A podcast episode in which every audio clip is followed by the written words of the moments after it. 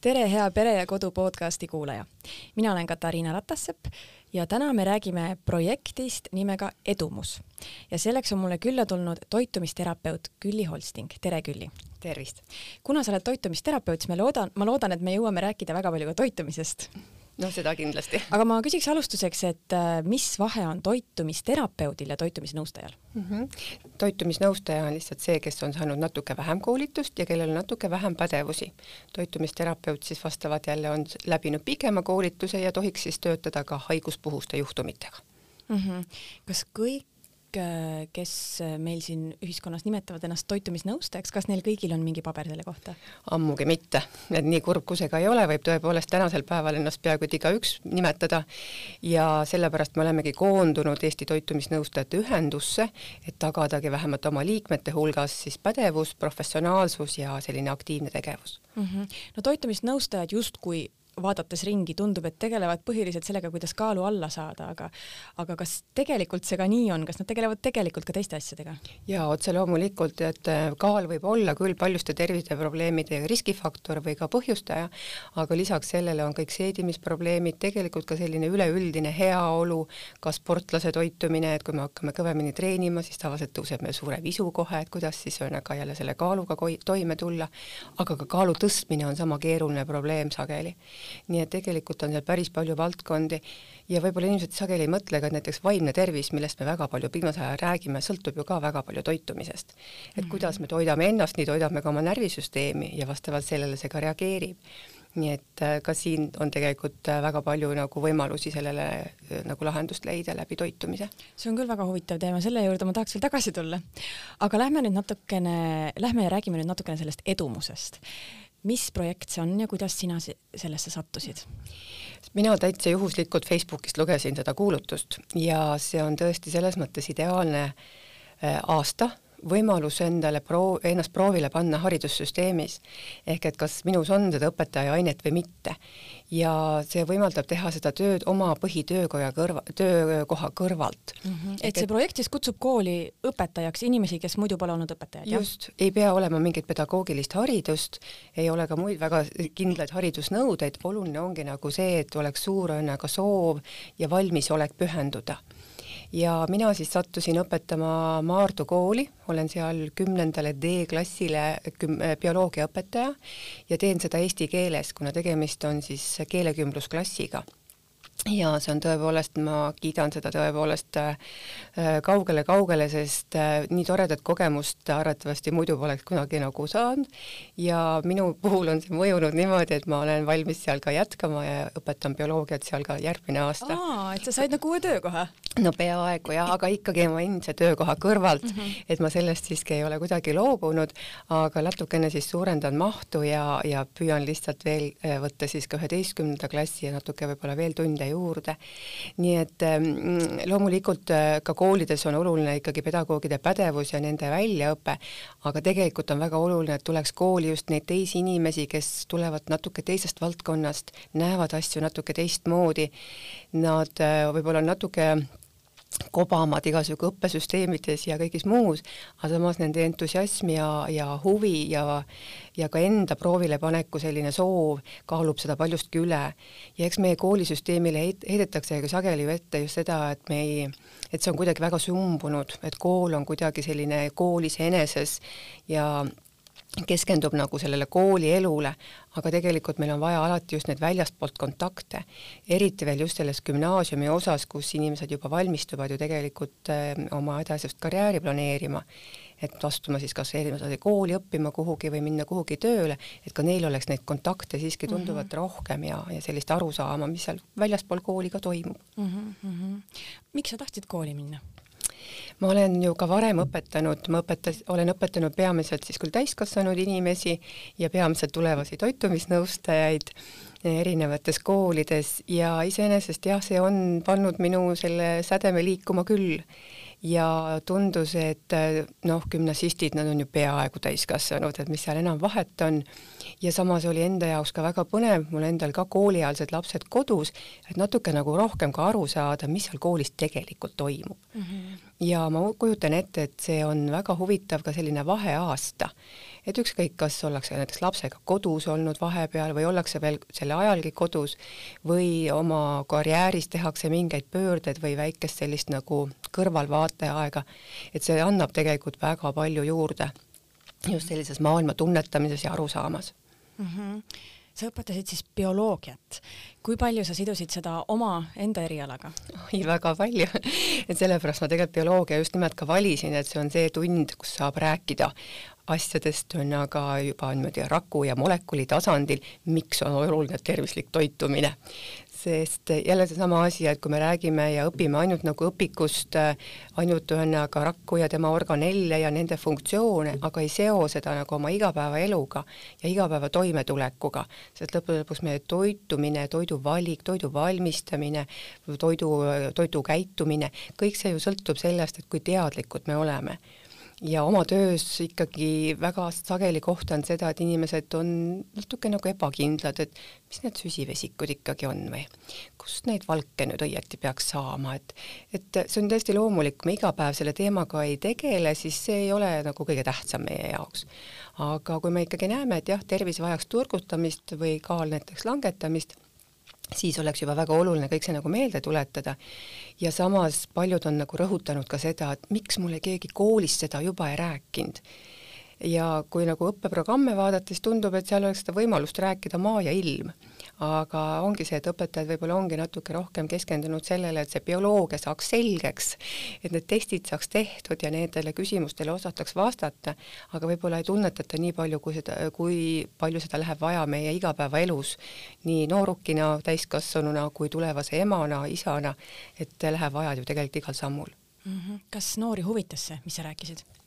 no nagu ikka, on alati neid, neid, kes, keda ei huvita ükski asi ja on neid, kes on alati väga, kõigest väga huvitatud, et loomulikult äh, see on illusioon, et mina nüüd lähen ja säran ja siis kõik on kohe ühesõnaga armunud ja õpivad bioloogiat ühesõnaga hommikust ja, ja hilistundeni välja.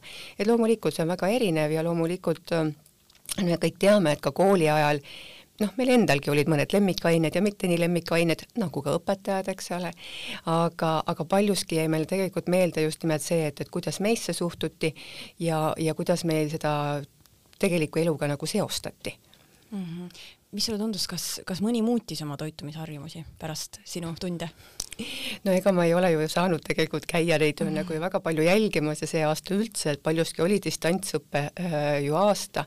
nii et selles mõttes äh, see kogemus mul muidugi puudub, aga ma ikka väga loodan, et midagi sellest ikkagi nagu külge on jäänud ja kuna mul on veel hea võimalus ka järgmine aasta nendega kohtuda, siis ma saan sellest jagu võib-olla kinnitust või siis pean enda, pean endale tuhka pähe raputama ja kõike sellest otsast peale rääkima hakkama mm. -hmm. mis selle edumusprojekti juures oli kõige toredam? Tegelikult just nimelt see, et sind võeti kohe nagu spetsialisti. Mm.. nagu sa tõesti teaksid, mis asi on õpetamine.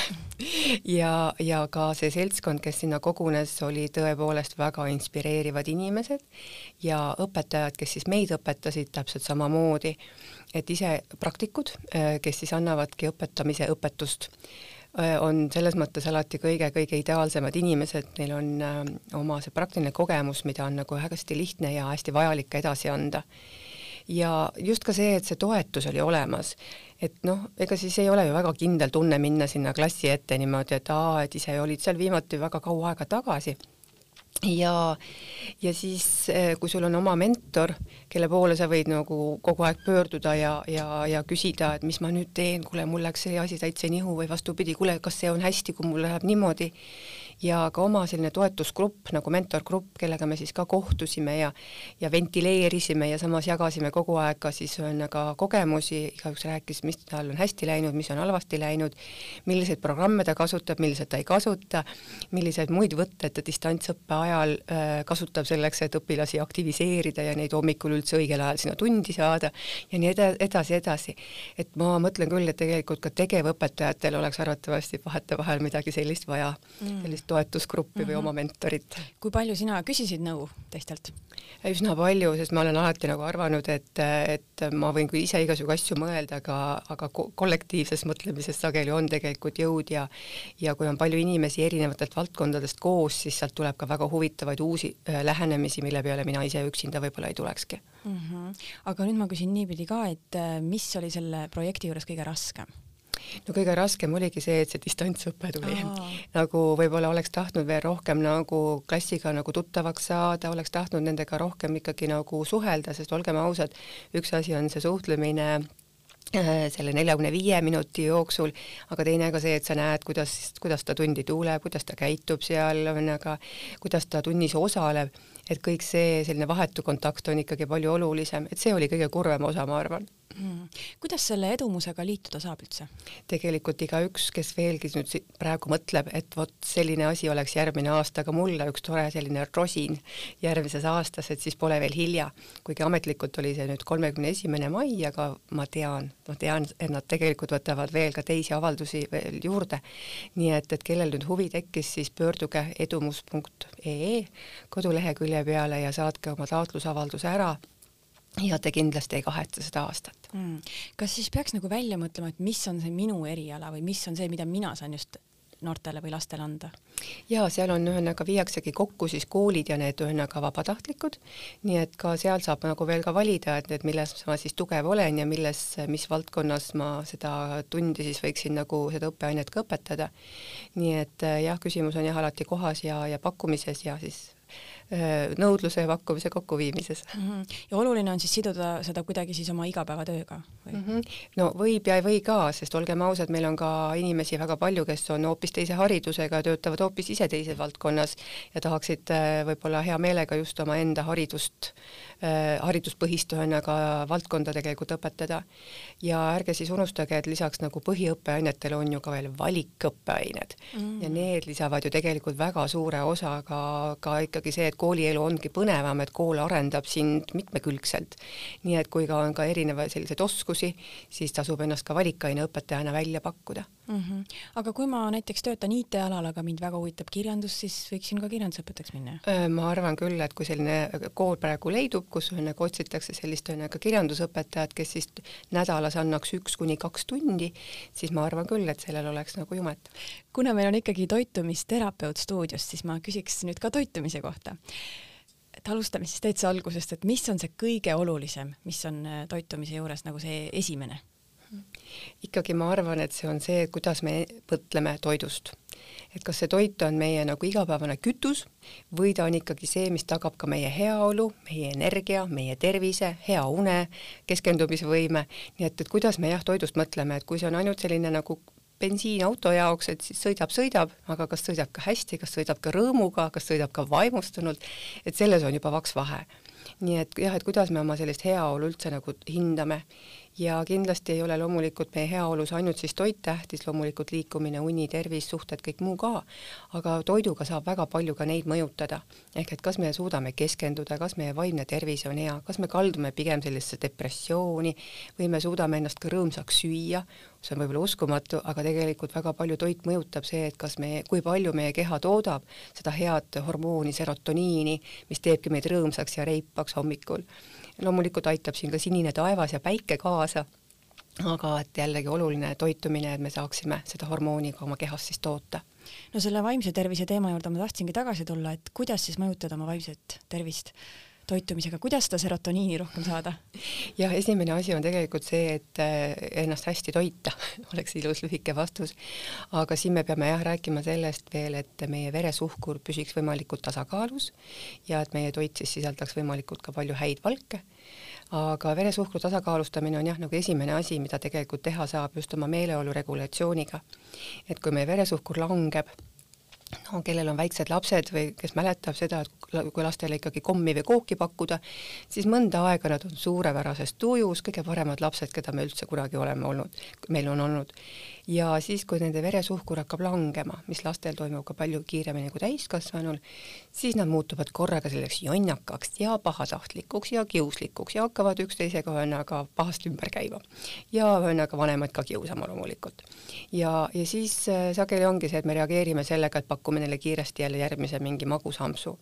ja kui see veresuhkur niimoodi üles-alla kogu aeg kõigub, siis läheb paigast ära ka meie hormonaalne tasakaal ja see jällegi omakorda mõjutab siis ka seda serotoniini ja teisi hormoone sinna juurde. nii et oluline oleks jah, tegelikult valida süsivesikud oma menüüsse, mis oleksid sellised aeglaselt imenduvad, mitte liiga palju siis magusat, vaid pigem just sellist ühesõnaga energiat andvat noh, siin on lihtne mainida alati täisteratooted, puu- ja köögiviljad eelkõige ja, ja süüa neid siis on aga pigem regulaarselt ja mõõdukalt, kui see, et korraga ja palju. ja lisaks siis neile selline hea valk, kas nii loomne kui taimne, et siin ka erinevas eas on oluline, et neid mõlemaid oleksid meil ikkagi valikus ja valkudest meie keha siis ka neid hormoone toodab, nii et ka sellepärast on see oluline. ja loomulikult tuleb siis alati täiendada ka heade rasvhapetega, mis siis jälle tagab seda, et ka meie rakud uueneksid piisavalt kiiresti, sealhulgas ka närvirakud, ajurakud.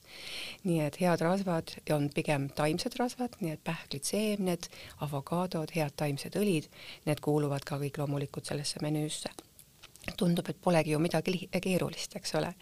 aga mis igapäeval nagu kipub nagu viltu minema, on tavaliselt see, et äh, kohe, kui me hakkame oma taldrikut täitma või täidab keegi meie eest seda, siis äh, see tasakaal kipub juba käest minema ehk et mida me siis äh, nii toitumisinimestena alati räägime, on see, et, et tervislik taldrik, taldriku reegel on see, millest kinni pidades läheb kohe kõik kergemaks. ehk et kui me poole taldrikust täidame köögiviljaga ja teise poole jagame siis selle süsivesiku ja valguga, siis me olemegi tegelikult juba teinud kõige suurema panuse oma tervisliku toitumise teel mm. -hmm, et tasakaal siis? ikka jah mm. -hmm mis sind laste toitumise juures kõige murelikumaks teeb mm.? ikkagi see, mida me näeme ja mida ka meie toitumisuuringud äh, välja toovad, et iga neljas esimesse klassi minev laps on ülekaaluline või lausa rasvunud. see on kakskümmend viis protsenti nendest lastest, et see on liiga suur number ja miks ta nii ohtlik on, just sellepärast, et see ennustab suuremaid riske ka täiskasvanu eas. just sellistele ainevahetuslikele haigustele nagu diabeet, nagu südamehaigus, nagu maksarasvumine. maksarasvumine on peetud alati mingi alkohoolikute haiguseks, eks ole. aga tänasel päeval järjest rohkem lapsi haigestub sellepärast, et on väga palju äh, siis sama glükoosfruktoosi ehk et siis sellist karastusjooke ja maiustusi, mida meie maks ei suuda ümber töödelda ja siis see kahjuks niimoodi ladestubki rasvana siis ümber maksa ja hakkab maksatööd häirima. nii et see on nagu see kõige kurvem asi. Lapsed õnneks kasvavad ja vahepeal siis nad sirguvad kiiremini, vahepeal aeglasemalt, nii et ka kogu see kooliaeg võib olla see, et kord natuke rohkem ülekaalus, kord jälle vähem, kuidas see kasvuspurt parasjagu siis on, aga aset leiab, aga et see tasakaal hakkaks tegelikult võimalikult varakult ja tundub, et see kooli mineku periood ongi nagu hästi selline raske, noh, ka stressi koha pealt, kui te mõtlete, et teil on lasteaed, hea turvaline hommikust õhtuni, kõik on ette teada, kuidas päev kulgeb, siis kooli ajal muutub kõik ja koolitoit on ainult üks kord päevas, ülejäänud osa siis on kas kodus või siis ka oma taskuraha eest poest valituna ja seal hakkavad asjad viltu minema mm. -hmm. sest loomulikult me kõik tahame olla vabad ja iseseisvad ja teha kõiki neid valikuid, mida meile telekas alati on reklaamitud ja väikesest inimesest tuleb ju alati aru saada, et loomulikult need ahvatlused on ju seal kõik just selleks, et ta oma taskuraha sinna viiks mm. -hmm no kuidas sa suhtud sellesse, et lapsed joovad näiteks energiajooke, mis on neile täiesti vabalt kättesaadavad ju mm? -hmm. no siin on meil küll ka vanusepiirang, aga viimane jah, selline koolisisene energiajookide tarvit-, tarvitamise uuring, üks koolil õpilane ise tegi oma kooli koha pealt, selguski nii, et, et selline nagu põhikooli lõpp on see kõige nagu selline aktiivsem tarbija, ehk et need, kes tahavad proovida, kas saan kätte või ei saa. nii et kohe, kui me teeme mingi asja nagu väga nagu raskesti kättesaadavaks, siis selle populaarsus kohe ka selles vanuseklassis kohe tõuseb, mis on mhm. väga kurb, eks ole ju. sest noh, energiajook on just see, kus on liiga palju kofeiini, see, mis ühesõnaga paneb selle südame peksma ja vii-, toob just selle keskendumisraskused ja, ja närvilisuse ja kõik selle.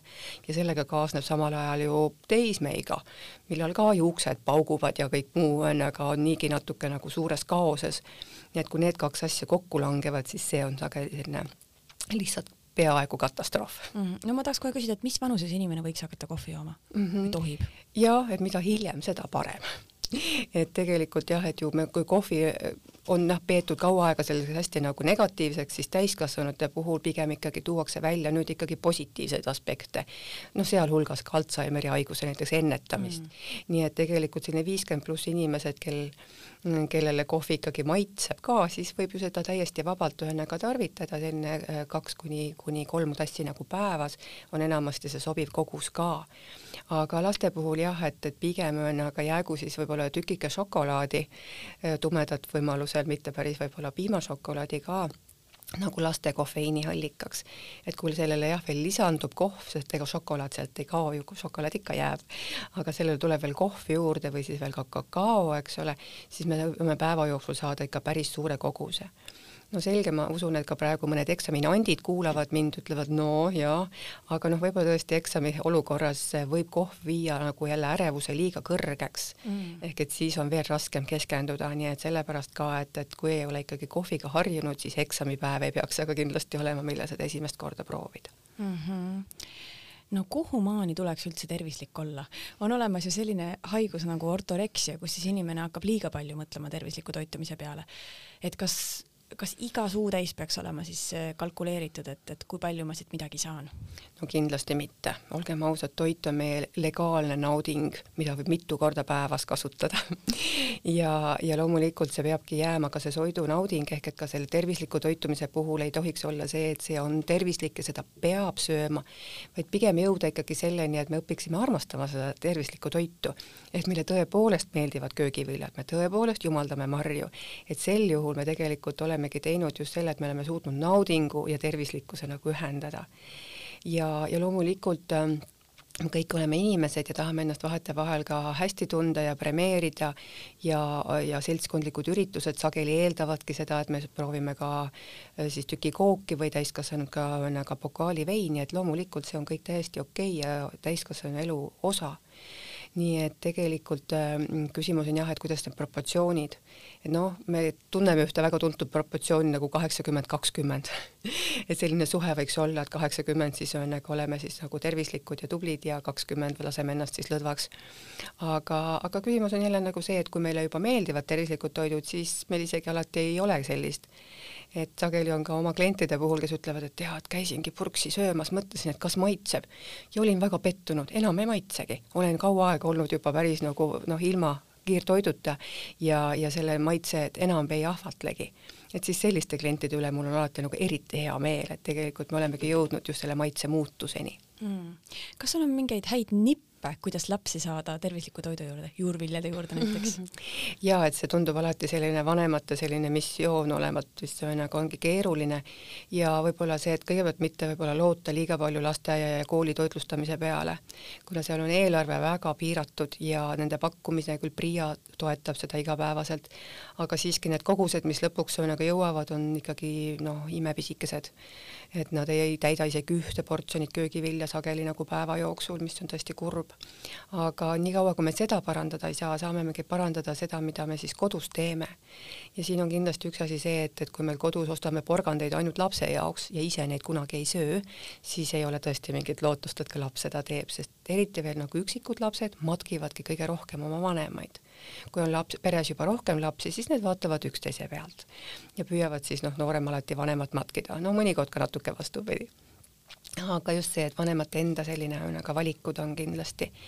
ja kuna ma nõustan sünnitusmajas ka rasedaid, siis tegelikult see on juba õige aeg alustada omaenda sellist toitumise ülevaatamist, sest tegelikult maitsepungad hakkavad arenema meil juba neljandal lootekuul mm.. nii et mida ema sel ajal sööb, kas ta armastab siis brokolit süüa või mitte mm., sõltubki see, et kas me suudame sellele väikelapsele esimese tahketoiduna siis pakkuda seda natuke ju mõrkjat brokolit või mitte ja mõelda just seda, et, et laste maitsemeel on samamoodi arendatav, nii nagu ka lugemisoskus või, või kõndimisoskus nii et äh, tasub olla siin kõigepealt nagu järjekindel ja mitte nagu võib-olla kindlasti nagu survestada ega sundida.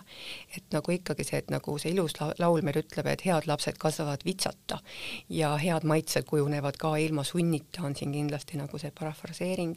nii et ikkagi pigem nagu rääkida mm, sinna juurde näiteks toredaid lugusid meie peres oli küll päris pikka aega, olid brokolid, olid äh, siis dinosauruste puud mm. ja, ja kasvasid õnnaga ja dinosaurused sõid need hea meelega ja kasvasid suurteks ja tugevateks ja nii et, et sellised nagu toredad lood ja võib-olla veel nagu mõelda sinna veel midagi juurde ja ka isegi täitsa tavalisele porgandile saab juurde äh, rääkida seda ilusat päiksepaistelist päeva, millal porgand esimest korda oma varred mulla seest välja sirutas ja mida ta siis nägi ja kellega ta siis kohtus ja kes siis pärast võib-olla tuli veel porgandit näkitsema ja himustama. nii et, et siin on ainult fantaasial on need piirid, ehk et kui me elamegi nagu sellises rõõmsas maailmas koos nende köögiviljadega jaapanlastest mul on üks hea näide, üks Jaapani perekond, kes siis ka seal tutvustab sellist tervislikku toitumist just läbi meeltepõhise õppe. Nemad räägivad just nimelt näiteks ühesõnaga köögiviljadest, näiteks porgandist, ka sellisest äh, sangarist, nagu peaaegu samuraist, kes elab üle ka külmad ilmad ja võib-olla isegi lumes aju. ja kuidas ta siis ikkagi ellu jääb ja kuidas temasse veel ja veel rohkem jõudu ja energiat tänu sellele koguneb. nii et jällegi nad kasutavad ka oma sellest folkloorist täiesti selliseid tuntud ühesõnaga süžeesid ja kujundeid, mis siis seda last tegelikult kujundavad ja samas me õpetame ka sellega ju oma kultuuri. nii et ka siin kas või näiteks kavalantsu nagu lugusid kasutada või midagi muud, et neid nagu nipikalt niimoodi toiduga seostades võime saame saada päris huvitavaid nagu lugusid. et ei pea alati selleks ise kirjanik olema, et lugusid välja mõelda mm. -hmm. nii et põhilised nipid olid siis eeskuju ja siis lood jah, et just see, et kui on äh, köögivili ja kõik selline tervislik toit on ümbritsetud positiivse energiaga, positiivsete emotsioonidega, mitte jah, sunni survestamise, sellise meelitamisega, sööd oma köögiviljad ära, siis saad magustoitu, siis mis rohkem maitsma hakkab, loomulikult ikkagi magustoit, sest sa oled selle ju ka välja teeninud nende kohutavate köögiviljade järamisega. nii et, et siin ka kindlasti tasub nagu mõelda, et kuidas see nagu pikemas perspektiivis äh, mõjub ja kindlasti tasub olla ka järjekindel, et kui üks kord ei meeldinud, siis kindlasti võib ühesõnaga ka järgmine kord ja tegelikult äh, see võib-olla kõlab siin toidu raiskamise äh, teema nagu sellise aktuaalse hetkel natuke nagu imelikult, aga lastega, lapsel ikkagi toiduga mängida. et mängimine tegelikult ka täiskasvanute jaoks on väga oluline õppeviis ja kõige loomulikum õppeviis sest seal me saamegi olla loomingulised, me saame kasutada kõiki oma meeli, kui me vaatame nagu väga väikest, peaaegu sellist imikut, eks ole, kes ju ka maailma uurib kõigepealt seda vaadates, siis ühesõnaga katsudes, eks ole, siis seda suhu toppides ja siis veel kuulatades ka, et mis häält see teeb. nii et siin kasutades kõiki oma meeli. Nii et me nagu toitumisnõustajate ühendusega oleme ka ellu kutsunud sellise meeltekooli projekti ja oleme seda juba ka piloteerinud äh, viies lasteaias eelmisel aastal kus me siis ka katsetasime, kakskümmend tundi tegime iga nädal ühe tunni äh, ühele lasteaiarühmale ja pakkusimegi neile võimalust siis erinevate toiduainetega tutvuda läbi sellise meelt, meeltepõhise mängu ja uurimise ja avastamise ja see oli täitsa uskumatu, et kui me alguses tegime neile sellise bufeelaua, et võtke ise, mida tahate, nii palju kui tahate et ja pildistasime nende taldrikud ehk et palju nad võtsid ja palju nad siis ära sõid. siis kahekümne tunni järel nad küsisid ainult ühte asja, mitu korda võib juurde võtta mm. ja isegi selline köögivili nagu kapsas leidis tee taldrikule, mis esimene kord jäi muidugi täiesti puutumatult, no kes siis kapsast sööb, kui mul on kõrval marju ja puuvilju. aga just see, et meil kõigil on erinev maitse ja meile kõigile ei pruugi meeldida ainult need, mis kõigile teistele, et me kõik ei pruugi olla banaanisõbrad, meile võib-olla meeldivadki hoopis õunad ja pirnid palju rohkem või ka marjade suhtes, et kui me pole neid harjunud sööma või sööme ainult üks kord aastas, noh, mustikaid siis, kui metsast neid korjame, et siis nad tõepoolest tunduvadki täiesti võõrad ja sellised, nagu see maitse ununeb. Aga kui me korduvalt saame neid proovida ja neid pakutakse meile, siis meil tekib ka harjumus neid mustikaid kas või ise otsida kapist lõpuks, kui need ühesõnaga seal on ja, ja neid rohkem ka oma toidule nagu lisada mm. -hmm. no väga paljud lapsevanemad on puutunud kokku sellise asjaga nagu ühe toiduperiood mm, -hmm. et laps tahab ainult ühte kindlat asja süüa, et kuidas sellisele lapsele läheneda? ja see on üks selline periood nagu neofoobia periood ja see on loomulik arenguetapp ehk et jällegi periood, kus lapsed hakkasid ise aktiivselt liikuma vanemad ei jõudnud neid enam jälgida ja siis oli oht, et nad võivad suhu panna midagi, mis võib olla mürgine. nii et selleks siis loodus mm. piiras nende valikuid, öeldes, et söö ainult seda, mis, milles sa kindel oled ja tänapäeval siis ongi see, et lapsed on kindlad oma juustus ja makaronis mm. -hmm. või sai näiteks. või saias, eks ju, tavaliselt midagi hästi lihtsat ja hästi sellist toitvat mm, -hmm. mida nad siis on valmis nagu sööma. ja, ja seal ka, et ja isegi noh, lapsed võivad väita, et nad ei ole söönud neid toite, mida te isegi võib-olla täitsa kindlalt mäletate, et enne sõid. nii et nad nagu unustavad ka korraga selle kõik äh, oma eelmised kogemused. et ega seal ka, et üks asi on see, et kui me teame, et selline periood on tulemas, tavaliselt algab umbes kahe, teisel-kolmandal eluaastal, siis ka enne seda pakkuda võimalikult võimalikult palju erinevaid asju, et saada see valik võimalikult laiaks, siis on lootused võimalikult äh, et kui see ka kitseneb, siis ikkagi see jääb veel nagu valikute rikkaks. no kui seda ei ole tehtud, siis pole veel ka hilja, ehk et tulebki ikkagi järjekindlalt hakata uuesti neid ühesõnaga toiduaineid pakkuma, soovitavalt alati ükshaaval, et mitte neid kohe segada, kohe panna suppi, salatisse, hautisesse kokku. Isegi taldriku peal on mõnikord kindlam, kui nad on pisut eraldi, et väike vahe võiks seal vahel olla, siis tundub see natuke ohutum. ja alguses võib see kogus olla ka selline tõesti hernetera suurune. Ja, ja võibki teha ka nagu erinevaid mänge, et proovida tuttavaid maitseid ja teiselt taldrikult näiteks neid võõraid maitseid. Ja, ja vaadatagi, et kas need võõrad maitsed hakkavad vaikselt ka tuttavamaks saama. aga jällegi oluline osa mitte kindlasti sundida, sest see võib mõnikord lõppeda isegi sellise oksendamisega ja, ja noh, negatiivsete tunnetega päris kindlasti ja mälestus sellest, et mind sunniti sööma seda või seda, noh, on meil ikka täiskasvanuni välja, et minul küll on näiteks oma selline lapse, lasteaiamälestus kakaokiselliga, mida ma ei suutnud alla neelata, sest seal olid klimbid. ja, ja rakendati isegi täiesti sellist meetodit, et ma pidin une ajal, lõunauinuka ajal selle kiselliga koos seal laua taga istuma. ja kuna ma ikka keeldusin seda söömast, siis magama mind ka ei lastud. nii et minu une päris jõhker, jah. et noh, just see, et see jääb meelde paratamatult mm -hmm. ja, ja noh, tänaseni ei ole see minu, minu valikutes mm. -hmm. aga kui see juhtub jah, niimoodi mingi mingi köögiviljaga, et siis ta võibki jääda ka nagu selleks, et meie, meie valikud hakkavad väga ahenema ja see ei ole midagi imelikku, et on täiskasvanuid, kellel on ikkagi väga kitsas köögiviljade valik, just sellepärast, et nad pole harjunud lapsena neid sööma, nende peres neid ei söödud ja neid neile ka ei pakutud. nii et äh, see on jah, see, kus on vanemad alla andnud natuke liiga kiiresti. nii et järjepidevus ka sel perioodil ja jällegi läheneda pigem mänguliselt, pigem nagu lõbusalt, mitte sunniga ja mitte ka liiga ärevalt, see on ka emadel alati see, et oh, äkki ta nüüd ikkagi võtaks veel ühe samm, ühe ampsu, et küll ma siis oleks rõõmus. et, et toidust ka võib-olla need emotsioonid rohkem lahti siduda. et kus me räägime just nendest söömishäiretest, noh, ortoreksiast sealhulgas, et sageli see toit on liiga palju meil kuidagi seostunud just emotsioonidega ja võib-olla juba väga varases lapsepõlves.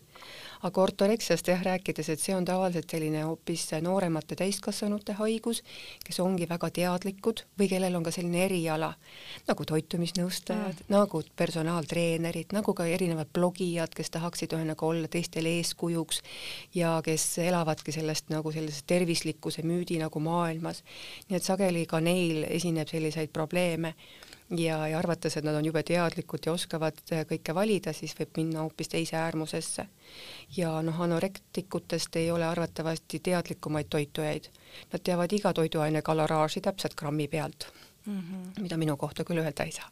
nii et selles mõttes ongi see, et, et see teadmine alati ei tähenda ka seda, et me kõike nagu oskame, vaid pigem ongi see, et kus me nagu leiame selle tasakaalu oma emotsioonide, oma toidu, oma sellise valikute juures. Mhm. kas ortoreksia mõjub siis halvasti ainult vaimsele tervisele või ta võib kuidagi füüsist ka kahjustada? no ikka füüsist ka, sest sageli kaasneb selle ju valikulisega, et sest ei sobi toit, mis ei ole piisavalt tervislik. ja kui te ei leia seda toitu mm,, siis et üldse, siis ongi, et see valik, valik jääbki selle võrra järjest kitsamaks ja kitsamaks. ja kui te siis oletegi jäänud lõpuks kahekümne toidu juurde ja siis kuulete või loete veel ühte uuringut näiteks sellest, et noh, et sellest toidust võib ka saada midagi liiga palju või mis selles on midagi ohtlikku, siis te loobute loobute ka sellest, nii et ka seal võib juhtuda see, et lõpuks on valikus väga minimaalselt neid tervislikke toite. ja mm, -hmm. ja samas, kui me kõik teame, et tegelikult mitmekülgsuses peitub eelkõige see tervislikkus ja, ja me ei saa tõepoolest endale alati lubada kõiki sajaprotsendiliselt mingit mahetoitu, ehk et me võime ka tegelikult arvata, et meie keha peabki olema ka valmis selliste nagu natuke rohkem keemiat sisaldava toiduga hakkama saama, sest muidu teatud olukorras võibki meiega juhtuda midagi, midagi ootamatut mm. -hmm. no tulles tagasi selle ühe toiduperioodi juurde, juurde, et ähm, kas liigne ühekülgsus, kui me ei saa kuidagi seda last painutada, võib olla ka ohtlik, kui ta näiteks ei ole nõus kaks aastat liha sööma üldse mm. -hmm. no siis sel juhul tasubki jah, nagu mõelda, et, et liha lihaks, aga kas ta saab need teised toitained, mida me lihast peaksime saama nagu kätte, ehk et peaksime mõtlema kõigepealt siis valguallikatele, nii et kui ta sööb näiteks muna ja piimatooteid või on ta hoopis on ka herneste ja ubade sõber näiteks või ta sööb hea meelega pähkleid või seemneid, siis me võime tegelikult sealt selle, neid kombineerides selle liha rahulikult ka välja jätta. ja noh, loomulikult maailmas ikkagi süüaksegi ka teadlikud inimesed söövad ka järjest rohkem, järjest vähem siis punast liha. nii et, et selles mõttes see on kindlasti ka meie tulevik, et me kõik hakkame vähem punast liha sööma. aga, aga just see, et, et mis me veel alati nagu liha puhul mõtleme, on raud et kust me rauda saame ja selleks on ka tegelikult väga palju teisi allikaid. nii et kui need on nagu ütleme kaetud, siis äh, küsimus ongi jah see, et kas me suudame tasakaalustada ilma lihata selle toidu. nii et ka see, et kui me ka oleme näiteks ka veganid või taimetoitlased, siis see ka eeldab just seda, et me oleme teadlikud, kuidas neid ühesõnaga äh, toiduained, millest me oleme loobunud, kuidas me neid, äh, neid aineid siis ikkagi kätte saame. ja kui me sellest ka kinni peame, siis tegelikult ma ei näe küll mingit probleemi, et me võiksime palju rohkem olla nii veganid kui taimetoitlased ja vahetevahel siis lubada endale võib-olla loomseid toiduaineid. ehk et see on ka praegu üks selliseid ka levinumaid toitumisviise nagu fleksitaarsus, ehk et ongi peamiselt taimetoit ja siis pisut ühesõnaga loomseid allikaid kõrvale mm. -hmm. just muidu tahtsingi küsida, et kuidas sa suhtud veganlusse mm? -hmm. no vägagi positiivselt, et ta selles mõttes avab meie jaoks ka väga palju uusi võimalusi. nii et ka isegi sellised veendunud äh, lihasööjad võiksid proovida vähemalt ühte taimetoidupäeva nagu nädalas ja proovida ka näiteks väljas söömas käies ka erinevaid taimseid toite. kui ise võib-olla veel ei ole jõutud nende tegemiseni, tundub liiga keeruline või komponente ei tunne veel kõiki, et siis ka lihtsalt ära maitsta, et kuidas siis maitsevad need ja kas sellest saab ka kõhu täis. ja sageli nad ju tegelikult äh, seda kõige rohkem kardavadki, et kui liha ei söö, siis kõhtu täis ei saa et see on ju tegelikult ka ainult müüt. nii et minu meelest küll julgemalt me võiksime ka propageerida just selliseid taimseid teisipäevasid näiteks ja ka rohkem taimetoitu pakkuda ka lasteasutuses ja ka hoolekandeasutustes, nii et, et ja järjest rohkem ka kokkasid õpib ka vegan toite tegema, mis on ju ka ainult tore. ja eks meie kodudes samamoodi, et ma arvan, et noored emad on kindlasti siin tegelikult päris tublid mm. mis on see, mida, mille osas veganid peaksid siis eriti tähelepanelikud olema, et nad saavad kätte mm? -hmm. no vegan toitumisel nagu selline esimene abc on see, et kindlasti B kaksteist vitamiin on see, mis tuleb kahjuks purgist juurde võtta ja D-vitamiin nagu kõigil kõigil teistel täpselt samamoodi. et kui loomse toidu tarbijatel on veel mingi lootus, et nad midagi saavad ka toidust, noh eriti need, kes söövadki rasvast kala ja D-vitamiiniga rikastatud erinevaid toiduaineid või ka seal rasvasemaid piimatooteid, siis vegan toidu puhul tõesti ei ole nagu väga lootust, noh välja arvatud muidugi jah, rikastatud toidud.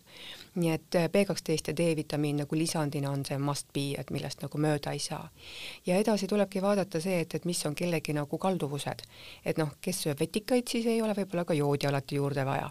kes ei armasta vetikaid, siis nende jaoks on võib-olla ka jood natuke teema, sest on aga enamus joodi me saame ikkagi just nimelt mereandidest, et mitte nii ainult kalast, aga näiteks vetikad on siin head võimalused, nii et sushi sõbrad on siin kindlasti on aga hästi paremini ka varustatud. ja, ja oluline on siis ka jälgida see, et, et ka neid valke tuleks piisavalt. ehk et taimset valku tuleb süüa natuke rohkem kui loomset valku, just selleks, et me saaksime kätte kõik aminohapped ja õnneks meil on ju tegelikult ka päris head võimalused ka seda ise kontrollida, et meil on ka riiklik toitumisprogramm nutridata.ee, Tervise Arengu Instituudi täiesti tasuta programm, kuhu sisestades me saa-, arutabki programm meie eest kokku, palju me saime kaloreid, palju süsivesikuid, valke, palju rasvu ja isegi ka kiudainete ja mineraalainete ja vitamiinide kogused ütleb ta ära, palju me toidust saime.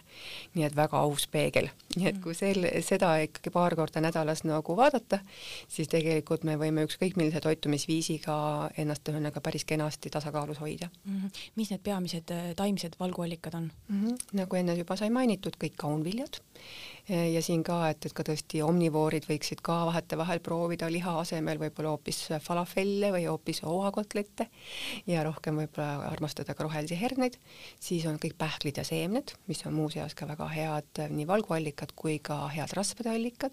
Ja nendes on ka päris palju äh, mineraalaineid, mida meil ka võib-olla natuke mõnikord napib. ja siis ongi täisteravili ehk et just nimelt täisteraviljast ja võib-olla siin ka veel välja tuua näiteks hirss, tatar, quinoa, mis on natuke veel valgurikkamad võrreldes näiteks ruki ja, ja nisuga. nii et, et jällegi, et neid kõiki kombineerides me saame need valgud kenasti küll nagu oma taldrikule mm. -hmm.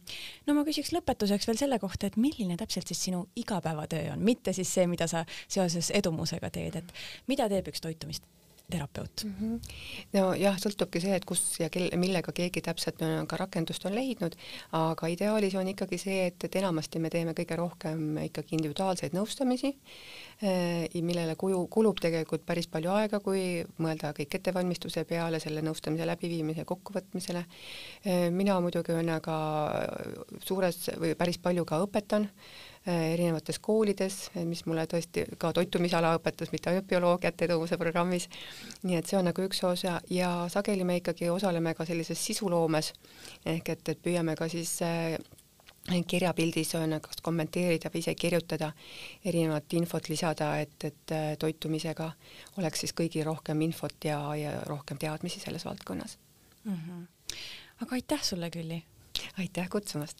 aitäh, armas kuulaja, et meid ära kuulasid. meie saated on leitavad Spotify'st, iTunes'ist, SoundCloud'ist ja teistest suurematest podcast'ide rakendustest